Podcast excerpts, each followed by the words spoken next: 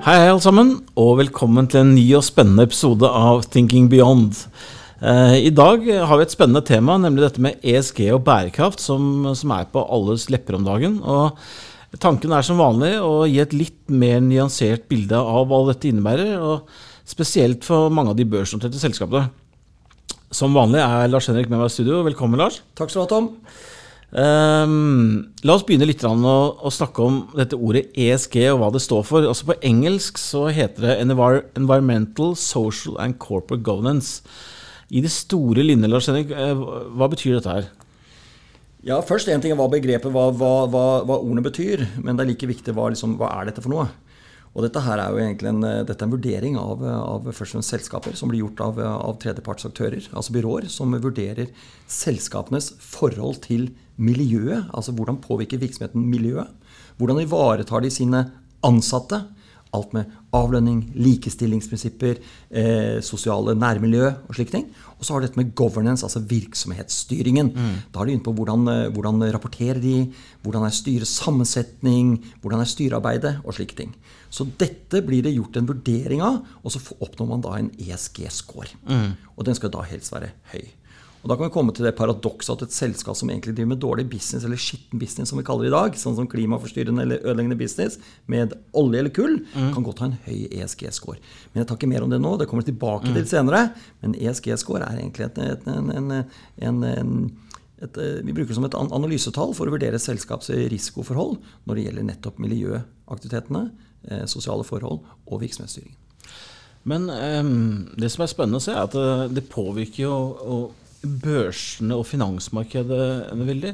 Hvorfor, hvorfor, hvorfor, er dette plutselig Det er jo kommet de siste årene, men det, det, blir liksom mer og mer forsterket den seneste tiden. egentlig det siste året også. Hvorfor har det blitt så stort innen akkurat finans? Eh, ja, Tom, jeg vil ikke si bare ikke innen finans som sådan, men eh, liksom det er blitt stort innenfor hele det brede selskaps- og eh, investoruniverset.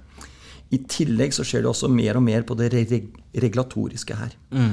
Og eh, fra neste år så blir det egentlig ganske strenge krav til både selskaper og eh, hva skal jeg si, aksje- og rentefond, eh, men også sånn virksomhet som vi driver, eh, med hvordan man rapporterer på det her sånn, og hvordan man egentlig fasiliterer for sine kunder, f.eks. vi som driver med fond eller investeringsløsninger, at kundene får et, et, et, ærlig og troverdig tilbud når det mm. gjelder forskjellige løsninger innenfor dette her. Mm. Så får altså de riktige alternativene å investere i. Altså, ehm, et, et, selskap som da får en sånn høy ESG-score, eh, hva, liksom, hva, innebærer det? Altså, hvilke fordeler og hva betyr det for et selskap å få en høy ESG-score? Ja, som jeg sa, altså, ESG-scoren kommer av tredjepartsaktører. Det er altså et såkalt ESG-byrå, eller en eh, verifiseringsinstans, eh, som, som gir en score på et selskap. Og disse byråene her finnes det veldig mange av, Tom. Mm. Og eh, da allerede her får vi noen litt utfordringer ved at det ikke er noen klare metode og eh, definisjoner mm. for hvordan man gjør en ESG-vurdering. Så hvert og et selskap eller ESG-byrå har sin egen standard for hvordan de gjør dette her. Mm. Men det er klart, det å ha en høy score det er bra, men noen er ikke ute til høy score. Noen byråer opererer med lav score fordi vi sier at her skal det være liten ESG-risiko. Og da vil de ha at tallet skal være lavt. Mm. Eh, f.eks., for eksempel, som er nest størst i verden etter MSCI ESG eh, på dette her. Mm. Og eh, problemet når vi har dette her mangelen, iallfall hittil, på metode og definisjoner mm. innenfor hvordan man eh, vurderer eller kommer fram til sin score, det er litt, litt problematisk. Og jeg har lyst til å, å liksom forklare liksom hvor, liksom litt billedlig hvorfor dette er problematisk for en kunde som tror den kanskje får noe annet enn den får. Mm. Og det er f.eks. hvis du har to forskjellige fond som begge har skjønt at det er i tiden å etablere ESG-fond. ikke sant? Eh, kundene vil ha det. Ehm, dette er midler som er lett å få tak i fra kunden. Og Da skal to forskjellige fond eh, de skal lage hvert sitt ESG eh, e global 100 pluss. Ikke sant? Det er, det er fond som er beregnet å ha de 100 beste ESG-selskapene i verden inni seg. ikke sant? Men så, at, så, er det sånn at det ene fondsselskapet det bruker MSCI, ESG, som leverandør av sine rådata på mm. ESG-score, mm. mens det andre bruker Sustainalytics. Og Da viser våre undersøkelser at de to fondsselskapene på egentlig enslydende produkt, og kundene tror de får det samme produkt, de har bare gått inn forskjellige dører til hvert sitt eh, fondsselskap, mm. så oppnår de å få fond som bare har kanskje rundt en 25 overlapp hva gjelder selskaper. Ja, nemlig. Og da ser du problemet. ikke sant? På grunn av eh, manglende metode og definisjon så oppnår du ikke å få Det blir litt tilfeldig da, hva sammensetningen av disse selskapene blir. I de, basert på hvilket byrå eller verifiseringsinstans eller metode eller definisjon du har brukt for å oppnå din ESG-score. Så det viser bare litt at dette er litt umodent. Men jeg vil ikke si at det ikke er bra. Dette er bra, for det er, det er, bedre enn ingenting. Men det er, vi har også eksempler fra noen byråer som viser at noen har ranket et selskap veldig høyt, mens det samme selskapet er veldig lavt et annet sted. ikke sant? Så det er noen Det er, noen, det er, noen, det er litt rart foreløpig, det her sånn. Derfor jobber vi heller med det at vi går, prøver å gå litt under tallene når vi snakker med våre forvaltere, og jobber med det som jeg kaller real ESG. Det betyr ikke en avlest ESG, men liksom reelt hva er ESG-faktoren reelt sett, hvis man går i dybden for hva denne, dette selskapet driver med av virksomhet. Mm. Jeg har lyst til å ta ett eksempel, Tom. Ta et selskap som, som Høk LNG. Kunne tatt andre, men de transporterer gass, f.eks. fra USA, mm. overskudds shale gas, til Kina. Ja? eh, se det som virksomheten. I utgangspunktet er det en brun virksomhet. Det er shipping. De, de forbrenner masse, masse svor og karbon underveis. Mm. Og har sånn et stort sånn klimaavtrykk som ikke ser så bra ut. Jeg husker ikke nøyaktig ESG-scoren, men om den er høy eller mellom eller lav, det vet jeg ikke. Men i seg selv er det et selskap som blir opplevd av mange som et litt skittent selskap. Men for at Kina skal komme bort fra sitt eh, store kullkonsum mm. ikke sant? De er, de er, Kraften der er jo generert 70 fra kull i dag. I verden er jo tallet halve rundt 35. Hvis Kina skal bli bedre, så må det ha gass. Det må ha et alternativ til kull. Mm. På vei mot sol og vind. Mm. Og da er jo disse selskapene her, sånn som Høk, LNG og andre carriers av gass, flytende gass, altså frosne eh, eller kjølt ned, de er jo helt avgjørende for mm. å få til det grønne skiftet i Kina. Mm. Og sånn så vil jeg si at Disse selskapene er ikke egentlig brune, men de fasiliterer for noe grønt. Så du kan på en måte si at disse har en grønn forretningsmodell, eh, forutsatt at Kina bytter kullet sitt med denne gassen. Hvor utslipp blir mye mye mindre mm. per en energienhet av karbon. Mm. Så det er, eh, det er, litt sånn poeng. da. Så Sånn mm. jobber jeg og vi litt med det. At vi prøver ikke bare å se på scoretallene, men ha et sånn forhold til hva som ligger bak det. Jeg, hadde, jeg, husker jeg hadde møte med Morningstar også. driver litt med du har, I Sverige har du Ja, Morningstar har jo kjøpt Systemlytics. Ja, ok, riktig. Ja, ja. For det, Da snakket jeg med jeg husker ikke hva han heter, han norske sjefen, og da var det litt det med at det er vanskelig å Dette med, med metodikken, som du sier, ja. og, og, vektingen. Ja. Hva vekter Mellom én S og G, ja. ja. Hva vekter man høyt og lavt? Og det gjør at du kan med ulike metoder komme med helt andre resultater. Da, i Absolutt. Til, om man er god på en ting, Men hvis det vekter da lavt, så etc. Så, og, og, i Sverige som et eksempel, så denne svanemerkingen er vi jo litt kjent med på, på vaskemaskin, men det har jo også kommet på fond. da, ja, Svanemerkefond. KLP her i Norge, ikke sant? KLP svanemerkede fond. Riktig. Ja. Så en ekstra sånn overlay i forhold til de vanlige KLP-fondene, som også er ganske bra. Ja. Men så har man lagt på en ekstra, et ekstra lag av skrin der med negativ og positiv seleksjon. Altså utvalg du velger det gode inn og tar det dårlige mer ut. ikke sant? Og vekter opp de med god ESG-score. Så det er, eh, dette er fond vi nå kommer til å ta inn på vår plattform, som har sånn sidetilbud til kundene våre. Med referanse til det jeg sa med regulatoriske krav fra neste år. slik ting, At du skal sørge for å ha det beste, et godt tilbud til kundene som har slike, slike behov. Nemlig. Jeg har lyst til å ta opp én ting til, Tom, rundt dette med ESG. For det er en, det er en sammenblanding av litt uttrykk her. For det er mange, du blander sammen altså dette med man, Mange tror jo at har du høy ESG, så driver du ikke med olje eller kull. Det jeg har sagt nå nettopp er at du kan godt drive med Equinor da, det er et selskap som har en veldig høy ESG-score. Mm -hmm. Av MSCI sin score fra 0 til 10 så ligger vel eh, Equinor ligger på ca. 9,3 tror jeg. Altså en veldig høy score. Og det er fordi at de, selv om de driver med olje- og gassvirksomhet, så er de vurdert å håndtere sin miljøutfordring eller miljørisiko veldig bra. Mm. Og det samme hvordan de håndterer S-en sin og G-en sin. altså G-en på governance, hvordan de rapporterer alt. Nå kan vi stille spørsmål rundt det, da, når det kommer opp den ene saken etter den andre med USA, nå senest Angola. Ja. Så vi får se hva byråene gjør med dette nå etter hvert. Ja, det er mulig de får en dårligere G etter hvert. ikke sant? Nemlig. Og da kan hele ESG-skåren falle. Men det er altså ikke noen sammenheng mellom Og f.eks. også et, et, lite, et, lite, etisk bra selskap som f.eks. gamingselskap eller tobakksselskap, som driver egentlig med drittprodukter, ja, tobakk, og pumper ut millioner av sigaretter hver dag. Jeg tillater meg å si at det er noe dritt, det tror jeg alle er enig i. Eh, men eh, eh, det kan også ha en veldig høy ESG-score. Ikke sant? Mm. Så du kan oppnå, hvis du er ute etter et fond og bare sier at jeg vil ha et fond med, som bare fokuserer på ESG, da kan du ende opp faktisk med mye oljeselskaper og endog kull, og du kan ende opp med tobakk og porno og alkoholselskaper og alt mulig mm. sånne ting, for de kan godt ha høy ESG-score. Så vi må ikke blande sammen dette med ESG og etikk og nødvendigvis bærekraft eller klima. Ikke sant? Det er, det, det, det, er ikke, det er ikke nødvendigvis en helt sammenheng her. Selv om jeg vil påstå at det er en sammenheng mellom ESG-score, hvis det hadde vært en ordentlig metode og definisjon, høy ESG-score og bærekraft over tid, det vil jeg si der er det en sammenheng.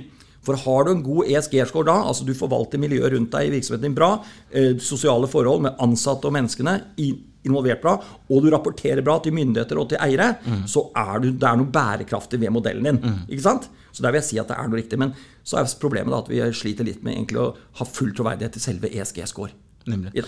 Og, det, og, det, er også litt sammenheng med dette her. Eh, altså, selskaper som kommer ut med gode ESG-score, det har jo også en sammenheng med at du har god ledelse, godt management etc. Og det har jo Absolutt. historisk sett uh, vært en et godt drevet selskap har også godt management. Og, ja. Så ser vi litt problem også med det, Tom, i og med at det er en umoden bransje, at vi ser en tendens til at det er de store selskapene som får litt best score. Mm. Og det kan vi forklare med at de store selskapene de har litt mer penger, de har litt mer råd til å ha et stort Akkurat som vi har et stort IR-team, mm. så kan de også ha et stort ESG-team. Mm. Ikke sant? Mm. Og da blir sånne som MSCI, ESG og Sustainalytics og alle andre da blir de fornøyd. For da, de, da, møter de et stort team, og det virker veldig bra. De får gode rapper, de får gode rådata inn fra selskapene, sånn at, sånn at disse byråene kan gjøre sine ESG-score-vurderinger på en best mulig måte. tror de. Så det er litt i favør av store selskaper som har råd til å ha sånne store team, og litt i disfavør av små selskaper. Og det trenger ikke å snakke om noen, det ser vi også på Oslo Børs, at noen av de som faktisk har dårligst score eller ikke score på ESG og sånne ting, er sånn som jeg mener husker jeg sånn som Nell, jeg mener husker sånn som er Scatec Solar og slike ting. Det er selskaper som enten ikke fokuserer på å ha sånne team, mm. eller ennå ikke har fått sin score. Nemlig. Uh, Selv om det er gode, iallfall Scatec Solar er en sunn, god forretning. Ja, absolutt. Og Equinor er jo storeier store der. Så. Ja. Um, Dreie, når du nå faktisk er inne på litt av dette med børsen, så skal vi dreie, dreie litt praten over på dette med børsnoterte selskaper. Og, og, det vi opplever nå på Oslo Børs, og det er at det er en, en voldsomt ESG-fokus. Og, og, vi ser at selskaper som eh, nå, vi, som vi skal snakke om, Aksjelution, for å synliggjøre verdier og kanskje bli enda mer rendyrket, for å bruke de ordene, har skilt ut nå to selskaper fra Aksjelution. som heter, ene heter Aker Carbon Capture og andre heter Aker Offshore Wind. Og, og, og det, vi jo, det, vi ser, er at uh, det har vært veldig riktig. De får en mye høyere pris ja, men på de selskapene. Åpenbart. Og så kan vi si om dette her er reelt eller en sånn, en sånn, en sånn massehysteri, sånn scam. ikke sant? Men det er jo klart at bare fordi du Nå går disse ut fra Solution og får sine eget merkenavn. Det blir egne selskaper, egne styrer egennoterte selskaper, og tiltrekker seg også da en helt ny kapital. Som, en kapital som kanskje ikke ville investere i Aker Solution før, og sånn sett indirekte var i det sånn, mm. men nå vil investere i denne offshore vind og i carbon capture-selskapene. Mm. Eh, det er veldig i tiden. Det er ikke så mange av dem med sånn seriøs satsing som disse driver med, og sånn sett tiltrekker seg en voldsom kapitalmengde fra hele verden. Mm. egentlig. Så du kan si strengt at blir det litt for lite aksjer i forhold til etterspørselen akkurat her og nå. Derfor har det en formidabel utvikling. Så eh, jeg vil si dette er en trend i tiden. Vi vil se flere og flere gjøre dette her. Det mest suksessrike vi har hatt av dette her de siste ti årene, må jo være det som Dong gjorde i Danmark, altså Dansk olje- og naturgass, som gikk over fra å være et olje- og gasselskap til å gradvis ta steget over mot mer og mer fornybart. Og til slutt så droppet jo hele Dong Energy-navnet og ble til Ørsted. Mm. Dette er 2016-2017, bare tre-fire år siden. Og i dag er Ørsted altså et formidabelt vindselskap med masse prosjekter på gang. Og i markedsverdien, du kan si hva du vil om det, om det er for mye eller lite, men den er, mer, den er høyere, høyere markedsverdi i dag enn Equinor. Mm. Ja, Ørsted. Og det er et rent fornybart selskap. Vært en formidabel reise for aksjonærene de siste tre-fire årene.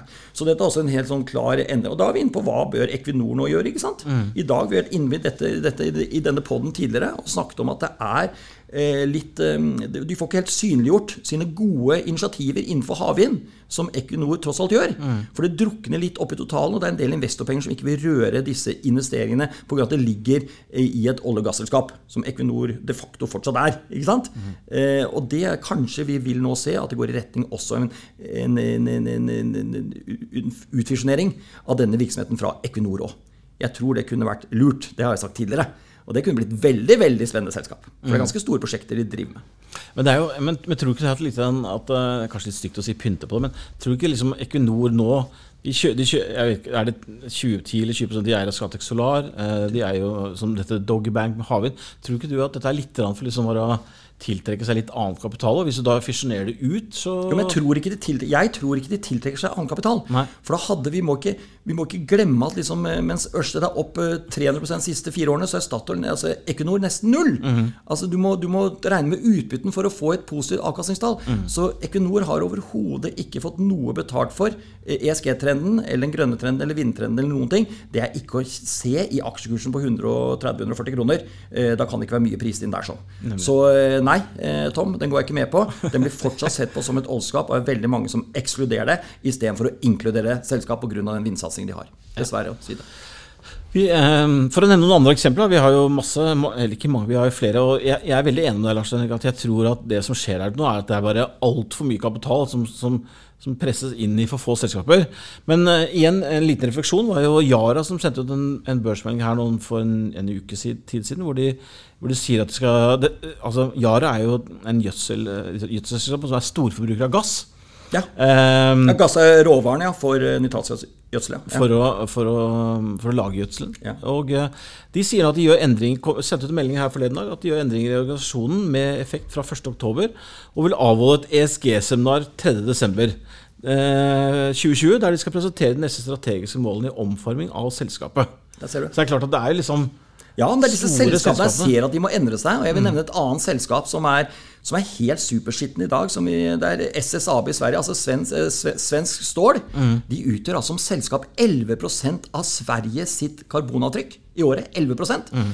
Men de er nå det stålselskapet i verden som jeg tror omstiller seg raskest. Og en tredjedel av deres produksjon skal være karbonfritt i 2026-2027. Altså om 6-7 år mm. fra nå. Så det er, det er, det jeg liker med å se. Dette er kanskje et skittent selskap i dag oppleves som. Men det er, det er et skittent selskap som virkelig omstiller seg. Det er jo da du får gjort de store endringene rundt i verden. Mm. Så jeg er ikke så sikker på at det er riktig å ekskludere denne type selskaper, så lenge du ser at de er i gang med store prosesser som virkelig kan skape store endringer. Jeg er mer kritisk til at alle skal gå inn i et ESG-selskap som har karakteren 8,5 og skal til 9-9,5, eller dobbel A og skal til trippel A. Ja, det er en forbedring, men det er ikke det som liksom rock the boat i, i, den, i, det store problemet vi har globalt. Da må vi få noen av de skitne selskapene på klima eller dårlig på ESG til å forbedre seg.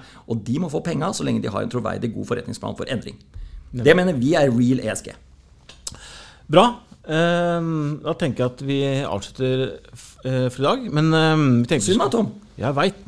Ah, vi endelig har satt oss ned. Og jeg har faktisk fått noen tilbakemeldinger om at vi er, vi er for kjappe. vi vil høre mer. Eh, men kjære lyttere eh, dere, eh, Tilbake om en uke. Ta det ro, det kommer om en uke. Da skal vi snakke litt, vi skal ta dette litt videre, for vi har lyst til å snakke litt om hva dette innebærer for Oslo Børs. For at karbonavtrykket, det er ingen tvil om at Uh, Oslo Børs er, uh, er, det mye olje og oljeservice og stort karbonavtrykk. Skal vi snakke litt om liksom, hva, hvilken betydning det har? Og kanskje også touche litt om dette med at vi har jo en veldig svak krone, om det er noen sammenhenger her vi kan snakke om. Så. Ja, Hovedindeksen på Oslo Børs i forhold til Stockholm bare er seks ganger så tung når det gjelder karbonavtrykk. Ikke sant? Ja, så det er, eh, Og det er den desidert verste i Norden.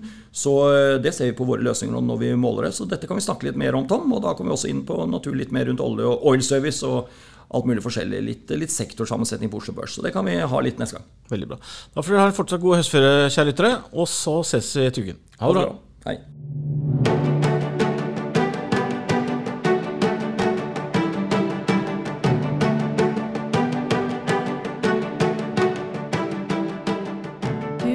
på Thinking Beyond, en podkast fra Formuesforvaltning.